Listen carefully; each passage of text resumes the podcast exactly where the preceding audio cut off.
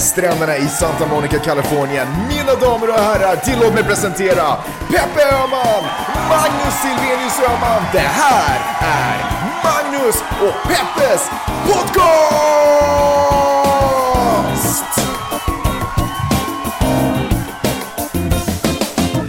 Hallå där internet och hjärtligt välkomna till podcasten som heter Magnus och Peppes podcast! Som återuppstår återuppstådda från de döda sitter vi här nu på ett väldigt fint hotell måste jag ändå säga i centrala Helsingfors. Den här podcasten sänds idag alltså live, eller inte live men så är ni vet. Hur mår du Peppe? Jag vill egentligen säga Säg är sanningen, jätte... Peppe. Jag vill inte säga det, för det finns ingenting som är tråkigare än att lyssna på en podcast där folk klagar på Ja, hur Men trötta de är. det som är lite trademark för den här podcasten är att vi talar alltid sanningen. Så du måste säga sanningen. Hur mår du? Men ju äldre jag blir, desto sämre får jag... Desto sämre blir jag på att sova på morgnarna. Alltså det kommer att leda till att jag nästa år vaknar klockan fyra och stiger upp och Kommer du ihåg ägg. alla gånger du gjort dig lustig över gamla människor som går upp tidigt på morgonen och... Jag är där nu. Du, jag är en av dem. Det, här, det, här, det är så här det jag börjar är så Peppe. jävla arg. Jag, eller jag är så peanut butter and jealous på Kommer dig som ligger alla- bredvid mig och snarkar. Kommer du ihåg alla gånger som du har klagat på gamla människor som går omkring och är bittra och, och jäkliga och tränger sig före i kö? Det är så här det börjar. Man får jag inte har sova på morgonen. mig framför någon i kön. Inte än. Inte än, men snart kommer du börja känna att ja, jag får inte sova så då kan jag nog åtminstone gå före i kön här. I alla fall, jag har varit vaken sedan sju, så jag har varit nere på hotellfrulle, jag har bloggat, jag har läst hela internet. Och sen när klockan började Har närma sig elva så började jag försiktigt dra upp gardinerna så att du också ska vakna. Sådär som gamla människor gör. Sjukt störande när man ligger och sover och någon börjar... Och någon annan har tänkt att nu har den där personen som ligger där sovit Okej, men färdigt. i ärlighetens namn visste jag inte om vi hade checkat out klockan elva, så jag tänkte att om jag drar upp gardinerna lite försiktigt Så får du svaret på frågan eller? Okej, fine. Om jag inte skulle ha väckt dig så skulle du bli så jävla arg. De gångerna det är jag har sant. inte har väckt dig så du Ja. blir arg på mig. Så i det här förhållandet kan jag verkligen ingen- aldrig vinna. Ingen vill höra sådana där känsliga detaljer om vårt förhållande. Det där var lite väl intimt Peppe. Som när du glömde boka en flygbiljett från Stockholm till Helsingfors åt Vidar och sen blev du arg på mig för att jag inte hade påmint dig om att du hade en son. Det, ja, det här, är- det här är, har ingenting med saker som vi ska prata om i dagens podcast att göra. Vad ska vi prata Varför om då? känner du att du vill dra upp sådana här grejer? Det var du som började anklaga mig för att tränga mig före i kön. Kära lyssnare, jag är så himla glad att eh, ni är med oss eh, igen. Efter ett litet sommaruppehåll. Vet du vad jag har lärt mig den här sommaren? Vad har du lärt dig den här sommaren? Att du inte kan ha ett heltidsjobb och podda. Nej, det kan jag faktiskt inte. Alltså, jag, du vad jag har lärt mig den här sommaren? Jag kan inte ha ett heltidsjobb. Jag är, jag är för gammal för det. Typ. Det här... Um, ångesten av att inte vara tillräcklig för sin familj. Det går ju hand i hand med att ha ett heltidsjobb. Och jag vill inte ha... Jag vill inte vara i den situationen. Är det, är det dåligt av mig? Att, är, är man lat? Om man inte... Om man känner att jag väljer bort ett heltidsjobb. Är det, är det Jag skulle konstigt? kanske inte säga lat, men kanske lite bortskämd. Ja, men vadå bort? Det är inte så att jag inte har, jag har inte någonting emot att jobba. Du vet ju att de allra flesta människor har heltidsjobb och, och eh, tillbringar tid med sin familj. Ja, men de allra flesta människor har inte ett heltidsjobb och jobbar Gör en med- podcast. Nej, men jag och gör en podcast. Jag gör ju massvis med podcastar. Jag jobbar ju med flera stycken. Och har en familj och en ganska krävande hustru. Nej, men alltså på ett positivt sätt. Förstår du vad jag menar? Nej. Det har, alltså de, flesta, de flesta har ju ett jobb, gör jobbet, går hem, klagar på barnet och går och lägger sig och sover. Vill du, vill du berätta någonting om ditt jobb? För att jag tror att senast vi gjorde den här podcasten så satt du i tårar i ögonen och berättade hur tungt det var att jobba. Det känns som att senast jag gjorde den här podcasten så hade jag precis gått ut gymnasiet. Så det finns ju jättemycket som har hänt sedan dess. eh, alltså, igår, i fredags ska jag väl säga, gjorde jag den absolut sista sändningen. Eller, ja okej, för den här sommaren. Eh, åh, alltså vilken resa! Det är ju få tillfällen som man kan använda ordet resa. Dels när man är på resa, men sen så använder folk ofta det lite vid konstiga tillfällen. Men det här har verkligen varit en, eh, en resa för mig. För precis som du sa, i början av den här lilla minikarriären som jag har gjort så, så var det ju ångestladdat. Alltså det är ju vidrigt att komma till en arbetsplats och inte riktigt förstå vad som händer och hela tiden gå omkring och nicka och säga ja eh, på frågor som jag liksom förstod tre ord av. Men, eh, men sen, efter två veckor någonstans, så, så släppte det. Jag började förstå vad alla runt omkring mig, vad deras funktioner är på jobbet. Jag hittade kopieringsapparaten, jag visste hur jag skulle få ut eh, papper ur skrivaren och jag hittade min toalett som jag behöver gå på med en mellanrum. Du har till och med kunnat bajsa på jobbet. Jag har till och med kunnat, till och med kunnat vara så avslappnad att jag hade kunnat göra det om det var viktig information att få ut. Men jag tror att det är viktigt att man har sin bajstoalett, för att om man inte har en bajstoalett, då, då går man och bär på saker. Eh, och jag tror att det finns någon form av, det, det finns något lite poetiskt i det. Metaforen. Nej, det finns det faktiskt inte. Jo, men metaforen av att man måste ha, man måste ha så pass, måste känna sig så pass trygg i sin miljö och ha så pass koll. Det, det, det kräver något speciellt av att hitta bajstoaletten. Man har, det, det är ett förtroende, det, är, det finns någonting... Eh, eh, man litar på sin eh, miljö. Man har funnit en plats på jobbet där man är trygg. Man har funnit sin plats på jobbet helt enkelt. Okej, men hur kände du? Alltså du kände ångest, du kunde inte bajsa på jobbet de två första veckorna, men hur kändes det de, de två sista veckorna? Ah, herregud, alltså det var så roligt. Jag kände att jag kunde göra... Men kan du berätta om din arbetsuppgift, bara kort? Eh, Okej, så jag har... Vadå, alltså vad jag gjort? För det kan ju vara att folk inte har lyssnat nitiskt på de Men kan vi inte bara säga så här, lyssna på det förra avsnittet? Eller ska jag dra det? Okej, jag drar det igen då. Så alltså jag har varit redaktör på Nyhetsmorgon. Eh, och som redaktör på Nyhetsmorgon så innebär det att man egentligen ansvarar för innehållet. Ja, Okej, i- så här, ungefär så här är det. Man ansvarar för innehållet för en specifik dag. Eh, varje Nyhetsmorgon består av, vad är det nu då? Sex, ungefär sex stycken slottar egentligen. Som ska fyllas med innehåll. Vare sig det är en kock, eller en person som kommer och berättar om en hund, eller eh, en, eh, en eh, redovisning av hur det går för Trump i USA. Så ska de liksom, så, så har alla de här programpunkterna sin lilla position. Och det är jag, mitt jobb att sätta vad vi ska prata om i varje respektive slott, hur vi ska prata om det och så. Och hur kändes det då, mot slutet? Eh, det kändes bra, för jag kände att jag... Jag, jag, jag ska inte säga att jag, jag är långt ifrån världens bästa redaktör. Men det jag tror... Det som gjorde att det kändes bra var egentligen förstås gensvaret. Jag kände att jag äntligen blev en del... Jag kände att jag var en del av gruppen. Jag kände att de hade förtroende för mig och uppskattade det jag gjorde. Och, eh, och det, är, det är underbart att få vara en del av en grupp. Första två veckorna hade ju ingen, det var ingen som frågade om jag ville komma och äta lunch eller du vet, man går omkring som ett litet knytt och letar efter sin bajstoalett. Så om, om eh, IS skulle ha kommit skulle du kanske gått med i dem bara för att höra någonstans? ja, för att, är hemma någonstans? Ja. Nej, De bara, förstås "Häng med till inte. Syrien. Och du bara, okej, jag behöver liksom ett gäng.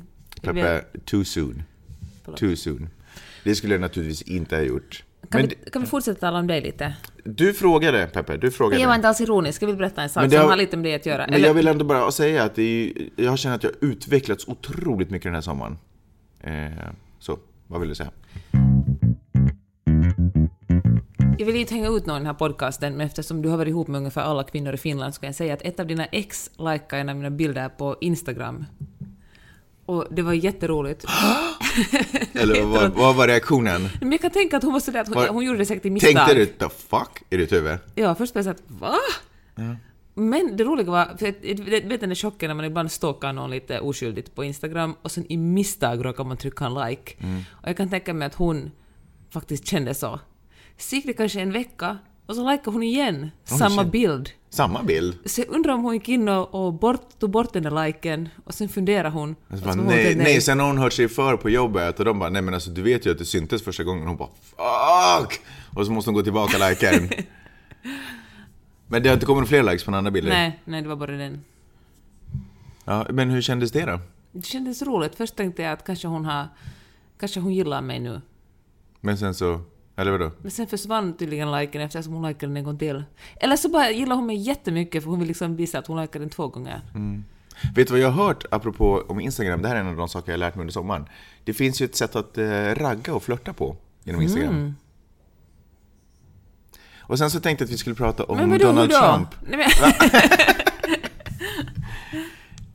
Har du någonsin fått, eh, om du går in och kollar i dina, du vet sådär, dina aktiviteter på din Insta, har du fått en person som har likat massvis med bilder på rak? Mm. Det är flörten. Det är ett sätt att flörta. Precis som homosexuella för många år sedan gick med en liten flagga i, bak, Homosexuella. gick med en liten flagga i bakfickan. Eh, eller ring, en ring i De här små En signalerna. liten flagga i bakfickan. Alltså inte en vimpel, men, men du vet, du vet sådär som Crips och Bloods har, en, en liksom snusnäsduk hängande ut från fickan, bakfickan. Jag Det- en liten regnbågsflagga som viftar där. Nej Peppe, det var innan regnbågsflaggornas tid. Det här var på det glada 80-talet, eller kanske till och med 70-talet. Alltså, gay, för att, för att signalera att man var gay så kunde man ha en liten, någon form av färgkodad eh, snusnäsduk i bakfickan. Subtila för att kunna läsa av, för att, så att någon annan ska få chans som kan läsa koden och bara ah okej, dit kan jag gå och, och hänga lite. Eller, och, och så var det ju liksom ring i vänsteröra var ju också någon sån här grej. Ah. Fast det där var lite oklart, för i vissa kulturer var det högeröra. Vi ska inte stanna vid den detaljen. Ponera att det var sant. Precis på samma sätt så finns det nu på Instagram, fast det här har ju ingenting med homosexualitet att göra, utan det här är bara jag... eh, Bara sex allmänt. Nej, men en, det är väl någon form av flört liksom. Jag, jag vet inte riktigt vad det, jag vet inte vilken form av invit det är, men någon form av flört är. Besvarad är den om man går in på den personens Instagram och gör samma move. Gå in och likea en massa bilder på raken. Jag hoppas att jag inte har gjort det av ren artighetsskäl. Den där paniken som jag ser i dina ögon just nu, det var exakt den paniken jag kände när jag fick höra det här. För jag likar ju Så allt. du har egentligen en Du massa... vet ju att jag likar allt. jag vet det, du har alltså en massa förhållanden med olika kvinnor på Instagram just Så nu. det, exakt. Du är ihop med hur många som Att helst. inte undra på att folk är så himla glada att se mig. De tror att jag går omkring och älskar dem i smyg. Nej, jag tycker ju om människor så, men... eh, Men var, var inte det kul? En liten kul Mm. anekdot. Emojis. Fortsätt. Apple byter ut... Eh, tänkte du någonsin på hur underligt det var att det fanns en pistol-emoji? Ja, men jag läste om det. Faktiskt lite, lite aggressivt är det med en pistol-emoji. Alltså, nu är det, alltså jag har inte tänkt på det innan, men nu när jag hörde att Apple byter ut pistol-emoji mot en vattenpistol-emoji, då är det så här, nej men varför har det funnits en pistol-emoji? But why? Inte det, det är ju faktiskt jättekonstigt. Men måste finnas en vattenpistol då? Inte vatten, bara en vattenpistol omskrivningen av en pistol? Ja, men jag känner att vattenpistolen har möjlighet att utvecklas till en symbol Jag vill döda dig på ett lekfullt Nej, sätt. men det kan ju, du vet, precis som den här auberginen blev en eh, penis egentligen, det är ju det som den symboliserar nu. Det är ju ingen som vill prata om Persikan en vagin. Vagin, precis. Eh, och eh, den här... Är det någonting som är en... Auberginen är faktiskt en av mina favorit det är någon som är en bubble butt också. Är det persikan? Ja, Jag tror att det är som- Tacon är vagin. Eller? Det det är kanske, ju bara, ganska ny. det kanske jag bara hittar på. Vilket fall som helst, så har ju eh, vattenpistolen potential att utvecklas till någon annan symbol. Jag menar, likheten mellan den och till exempel en penis är ju inte svår att dra. Det finns alltså bara likheter mellan symboler Nej, och könsorgan. on the top of my head. Är penis. Ja, så tänkte jag att det, skulle kunna vara. Men okej, säg någonting annat den skulle kunna likna. Den skulle kunna vara... En pistol. Ja, men om man tänker, för den är ju liksom le, mer lekfull. Den skulle kunna få ett annat symbolvärde. Den andra pistolen, som ändå var lite, som var liksom en ganska tydlig avbildning av en revolver, kan inte liksom vara något, så hemskt mycket annat än en pistol. Den används ju ofta till exempel man sätter en smiley och så sätter man pistolen bredvid typ så här, skjut mig. Det här var så dumt i huvudet så skjut mig. Det Men ju, vattenpistolen är det ju alltså... Jag, jag kan ta bort skiten helt i så fall. ja, men vattenpistol finns det ju ändå något lekfullt i. Fast den symboliserar ju ändå en pistol alltså. Som i sin tur symboliserar våld. Ja. Och det finns ju tillräckligt emojis som symboliserar kukar. Ja, jo, okej, jo, det var, på så sätt var det lite dumt för vi behöver inte tusen som symboliserar det. Eller? Eller? Det finns ju så många olika sätt och många olika situationer när vi talar om det. Och så många olika sorters penis. Finns det verkligen många olika sorters penisar? För det Ja, kan det finns ju sneda och korta och långa och avlånga. Men är de ändå inte liksom samma sort? De bara ser olika ut? Omskurna. Ja, det gör det också. Bra point där, Peppe. Olika färger.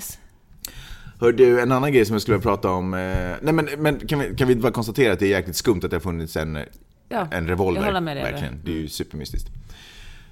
Vilken sjukt händelserik sommar det har varit på nyhetsfronten. Alltså, galningarnas sommar har det ju varit. Jag har ju fått sitta mitt uppe i smeten. Eh, det bä- det, du vet Newsroom? Den vet. fantastiska tv-serien. Aaron Sorkins. Ja. Eh, så kändes det. Och jag var så glad att det kändes så. Att det inte var sådär, ah, Har du varit den där snygga producenten? Brittiska? Nej, jag har nog mest bara varit en snygg redaktör. Ja, okej. Nej, jag är ju inte producent Peppe. Det trodde du visste vid det här laget. Jag var ju redaktör. Eh, men, men det kändes som att jag var inne i newsroom verkligen. Eh, så, och, det, där är ju lite kluvet, för att det har ju liksom varit fantastiskt att det har hänt så mycket fruktansvärda saker. Och så, går så, så kan man ju inte prata i ett normalt språk. Men, eh, men det har verkligen varit roligt att vara där mitt i smeten. Du har ju bara glidit runt på stan och varit gravid. Har det känts konstigt Ja, det är du som i, jobbar... I, nej, i egenskap av journalist. Att inte haft något, eh, ett forum att... Ja, inte är ens blogg förstås. podcasten liksom. Nej, precis. Um, nej, det har det faktiskt inte. Har inte? Man har ju talat om det. Jag har ju talat om, om de här händelserna med alla jag träffar. Var det allt du hade att säga? Men alltså svar nej på din fråga. Ja. Det har inte känts konstigt alls.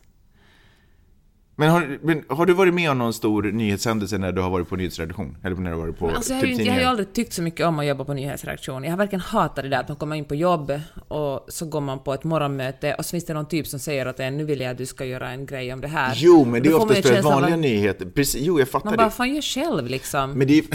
Okej, bra. Men vi ska inte prata så mycket om din, eh, vad heter det, så här, chefs... eh, Nej, vad heter det när man inte tar, tycker om att ta order? Men i alla fall, men det är exakt, för så där går det ju till på vanliga. För det är oftast, för nyheterna vanligtvis är ju, ja men, eh, Juha Balkanen på stadsfullmäktige.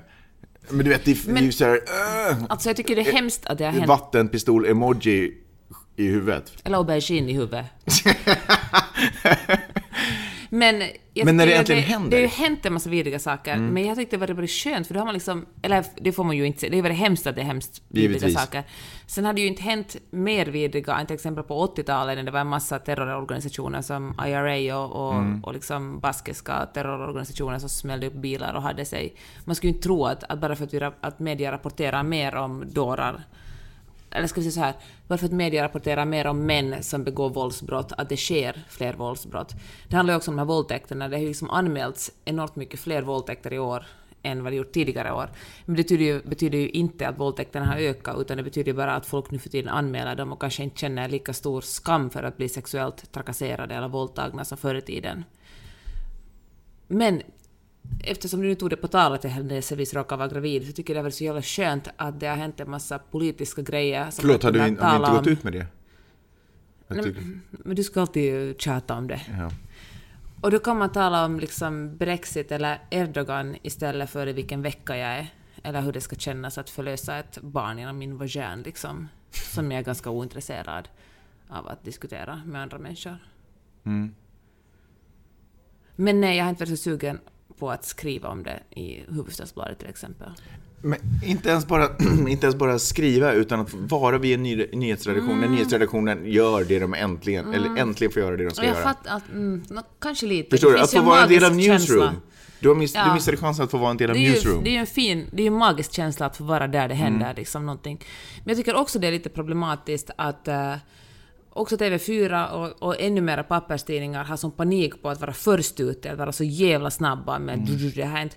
För små, liksom, små tidningar, och eh, vi är ju ganska små ändå trots allt, till och med TV4 är liksom ett globalt perspektiv, kommer aldrig att kunna vara först och snabbast med nyheterna. Och jag tycker att många mediehus offrar analysen och liksom granskningen och istället med våld ska skippa ner folk till där det händer någonting som ska tala med lokalbefolkning och vara liksom ”detta händer just nu”. ja, men det Istället intresserar för- ju folket. Ja, fast det ger, liksom, det ger egentligen inte så mycket information att få liksom en minutuppdatering av vad som händer i Nice. Det som egentligen borde intressera folk och som är mycket viktigare att förklara det här sker på grund av det här. Här är liksom helhetsbilden, Mm. Ja, här är vår analys. Ja. Och eh, så det där, jag författar det liksom spännande att sitta i den där, eh, att vara i den där miljön på en nyhetsredaktion när allt händer, det kommer in ny information, men jag tror inte det är så bra för nyhetskonsumenterna Nej. att man satsar så jävla mycket på snabbhet. Det finns en annan aspekt av det där som inte heller är så bra. Jag är helt, faktiskt, eh, nu, ju mer du pratar desto mer håller jag med dig. Eh, det här med att åka ner och sen ta, prata med folket, vad händer, vad känner. Det, allt det det handlar om är ju egentligen att skapa en, precis som du säger, man, man tar inte in mer information utan man skapar, man spär på känslan. Och eh, John Oliver, eh, Last Week Tonight, hade ju en eh, så spot on grej om just det här hur känsla har blivit lika med fakta när vi argumenterar. The current view is that liberals have a whole set of statistics which theoretically may be right, but it's not where human beings are. But what you're saying Yeah, is, but but, hold- hold, but hold on, uh, Mr. Speaker, because you're saying liberals use these numbers, they use this sort of Sure. magic math. This is uh, the FBI statistics. They're not a liberal organization. No, they're a but what I said is equally true. People feel, Feel it. more threatened. Yes, they feel it, but the facts don't Fine. support it. As a, as a political ca- candidate, I'll go with how people feel, and I'll let you go with the theoreticians. He brought, he just brought a feeling to a fucking fact fight. And, and it is worth taking um, just a moment to seriously consider what Gingrich was saying there. Because think about it. I think we can all agree that candidates can create feelings in people. And what Gingrich is saying is that feelings are as valid as facts. So then, by the transitive property, candidates can create facts which is terrifying because that means someone like Donald Trump can essentially create his own reality, and that is the closest thing to an actual magic spell I think I've ever seen. Att det känns som att eh, någonting är farligt, hens är det farligt. Och så är det ju inte nödvändigtvis. Tvärtom så kan vi faktiskt, och, och speciellt just för att media beter sig på det sättet, att man åker iväg och bygger på känslorna, eh, så, får vi ju, så skapas ju eh, eh, det, det, man skapar ju bilden av att det här är, att det är liksom fakta. Det här. Mm. Exakt, eftersom man aldrig kommer eftersom med media analysen. Vi diskuterar precis. aldrig, vi gör aldrig analysen. Och då liksom. tror jag att sociala medier ytterligare späder på det här, för då är folk sådär Åh, Turkiet, det är så hemskt med statskuppen för jag var där på semester 2005. Det kunde ha varit jag. Eller Nice. Jag hade en gång en pojkvän som bodde i Nice. Tänk om jag skulle ha åkt och hälsat på honom. Det kunde ha varit jag. Och man bara, men det, för det första är det här bara ett hemskt eh, dåd eftersom du på något sätt har en avlägsen koppling till det. Kan du liksom inte förstå att det annars också är ett hemskt dåd? Och att liksom ens, ens feed fylls av de här personliga anekdoterna om hur... Nära man stod händelsen själv. Ja, liksom. det späder ju också på den här paniken på något sätt. Och det, då tycker jag, det visar, det är ytterligare ett exempel på att ehm, när man är, man kan inte gå omkring och vara rädd. Liksom. Rädd Nej. är ingen konstruktiv eh, handling. Det är ingen konstruktiv, det är ingen lösning på problemet. Tvärtom så, eh, så, o, så orsakar det bara mer problem därför att man inte fattar vettiga beslut när man är rädd, allt som oftast. Och, Samtidigt så faktiskt tog jag en kaffe med en kompis igår som bor i Nice, hon, hon är en finsk Mm. journalist. Och så visar hon bilder hur det patrullerar uniformsbeklädda män på gatorna där. Mm. Och hon sa att när folk säger sådär att var inte rädda, så känner hon, men vad fan, alltså det... Vad ska, jag är rädd, vad ska jag säga till mina barn? Vad ska jag liksom förklara för mina ungar att, att det går en massa militärsnubbar på gatan och ska liksom skydda oss från terrorister? Liksom. Det gör dem rädda och det gör mig... Jag är på riktigt rädd. Okej, Att när det är jag liksom att en man... sak att vara inte rädd när man sitter liksom i, i trygg Helsingfors på ett hotellrum. Men Ja, det är, det är sant. Och det är klart man inte kan kontrollera om man är rädd eller inte. Det är ju en känsla, som sagt. Men, men jag tror att det är extra... Kolla, så här. Det är lätt att inte vara rasistisk om man inte stöter på problem. Det är ju först när man stöter på problemen som ens tro och ens kunnande sätts på prov. Liksom.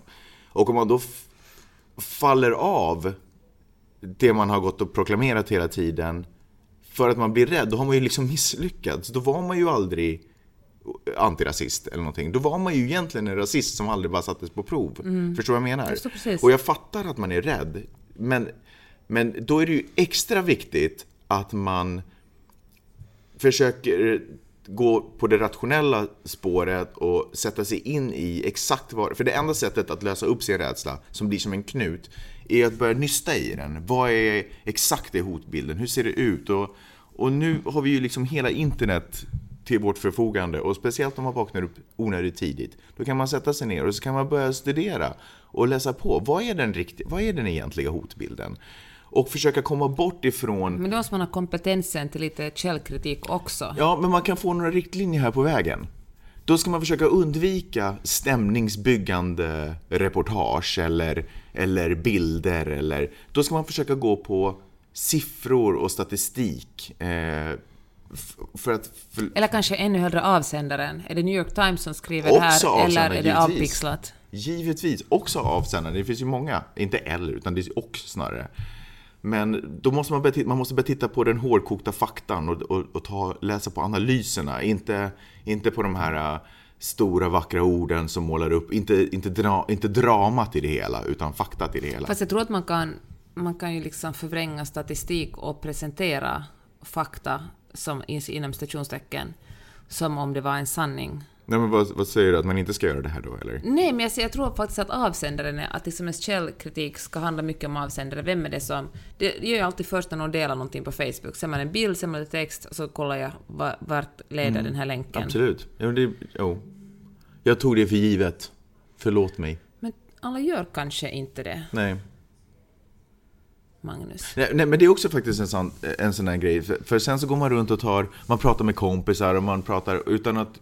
Jag, fattar att man kan lita, man litar på sina kompisar, man har massa andra gemensamma intressen. Men, men man måste alltid ta avsändaren i beaktande. Inte för att jag tror att nödvändigtvis att kompisarna har en dold agenda bakom det den säger. Men den pratar ju alltid från sin... Vad, vad baserar den, den informationen på? Eller, det, det är liksom de, alla de här leden, man måste alltid gå till kärnan någonstans. Man måste, och det är ens eget ansvar att göra det.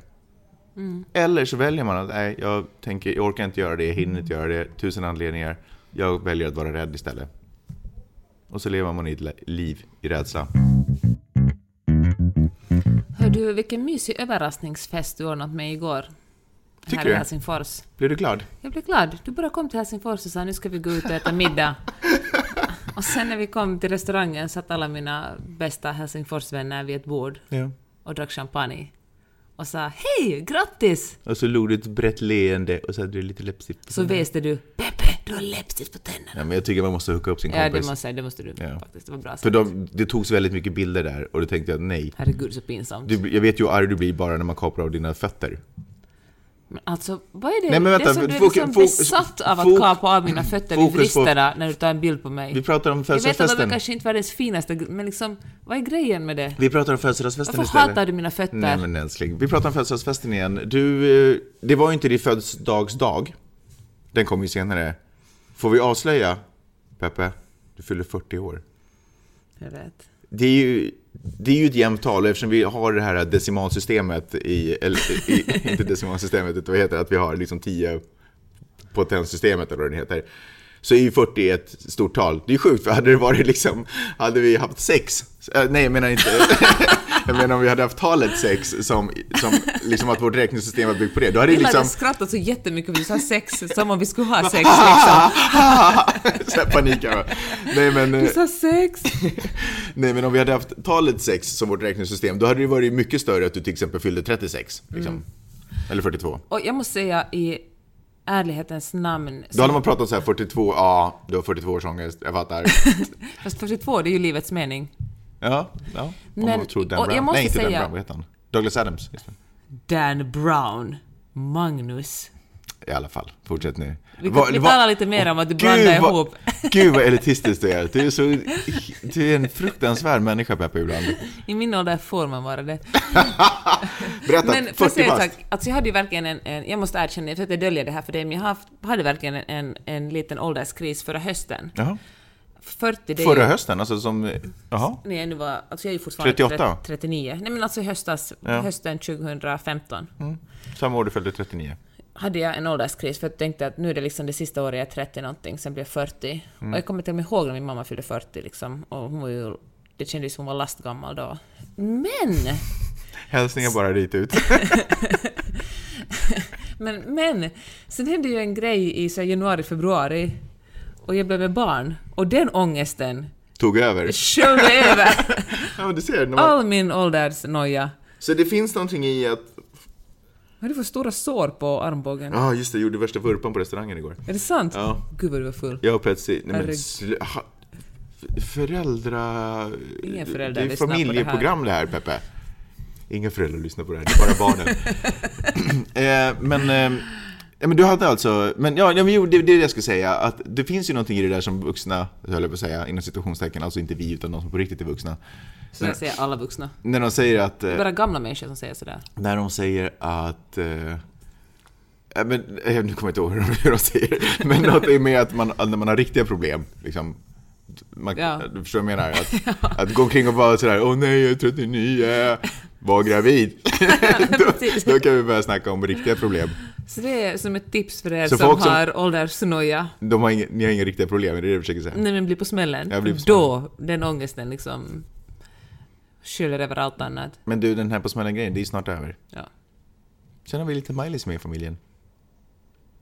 Va, gjorde... Ska du outa hennes namn nu? Jag har inte ens gjort det på bloggen. Nej, det har jag- har jag inte gjort. Jaha, men då blir våra liksom, poddläsare kanske antingen klipper du bort det eller så får folk som lyssnar på podden veta det. Ja, varsågoda. Ja, ja, men vet du, vi pratar ju alltid om hennes namn.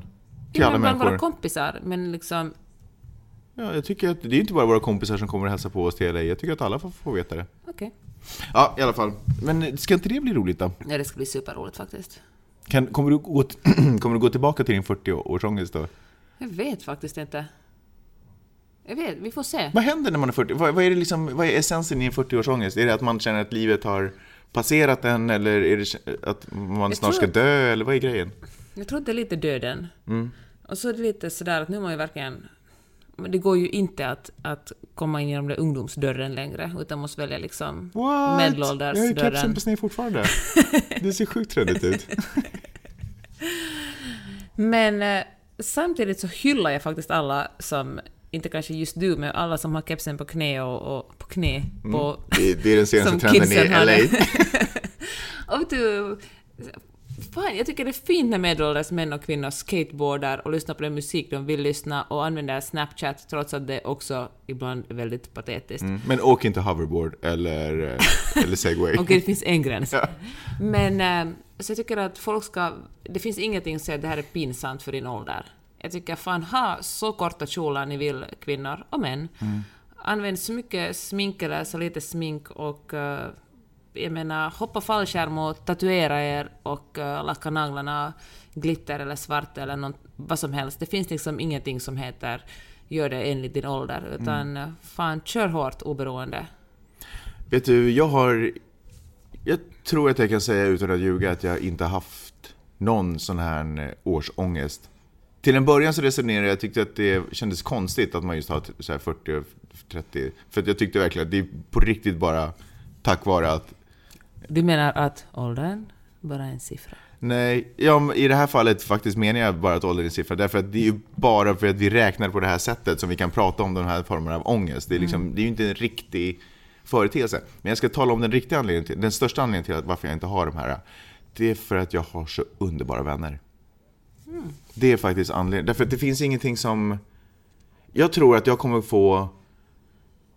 Liksom, om jag får någon form av åldersångest så tror jag att den kommer i det skedet då folk, De. Har, då folk har dött ifrån mig. Liksom, när jag är så pass gammal och det är liksom sådär... Nu skapar jag inga nya minnen tillsammans med... Eller nu delar jag inga nya minnen tillsammans med någon mer. Då tror jag att det kommer, om det kommer, så tror jag att... Du vet när mitt enda sällskap blir det jag har varit med om. Inte... Ja, Nej, jag förstår. Förstår du vad jag menar? Jag. Men nu så, det händer liksom... Ja, omgivna så fantastiska. Och igår var ju jättebra Mm. Så det var så magiskt igår. Och det var så magiskt, du var ju inte med på min... Jag hade ju en releasefest i förrgår. Mm. Och då var det ännu fler av mina kompisar, liksom ett ännu... Min, ett, liksom ett större... Nu var det bara mina absolut närmaste igår. Mm. Och då var det kanske en 50 personer som är mina kompisar och bekanta som dök upp. Och det var så mycket kärlek och det var så fint. Alltså... Ja, jag måste hålla med dig om det är nog fint att ha, Ja. att ha så många människor omkring en som man verkligen genuint tycker om. Och sen så tycker jag att eh, om du hade det då förra hösten, ett vagt ögonblick, så tycker jag också att du ska tänka på, för det finns också anledning att ha ångest om man har slösat på Mm. sitt liv. Men det kan du ju inte påstå att du har gjort. Slösat på ditt liv. Nej. Det, det Tagit de chanser som har dykt upp och, och försökt kapitalisera på dem så gott det går. Mycket mer kan man inte begära. Och dessutom kan jag, känner jag också, precis som en av, som Sissan sa i ett litet videoklipp, en liten videohälsning Ja, till dig. Om att liksom, hur ni är så i början av er vänskap och det finns så mycket kvar att uppleva. Och så kan jag känna i livet också. Att det är, okej jag fattar åldern, men det tog ju liksom 20 år nästan för mig att bara komma igång om vi ska vara helt ärliga. Mm. Och det finns så, så mycket uträttat på de här 20 åren och hur, liksom, jag har åtminstone två sådana varv kvar känns kanske till och med tre sådana varv. Och hur mycket man kan fylla dem med. Givet att tiden går lite snabbare nu, det är svårare att hinna med. Men, eh, men det tycker jag är grymt. Så jag kan inte se den där ångesten. Bra. Nej, nej, Ha inte bra. ångest. Nej, jag har inte. Alltså, nu Bra. jag bara ångest över att... Eller jag har ingen ångest alls alls.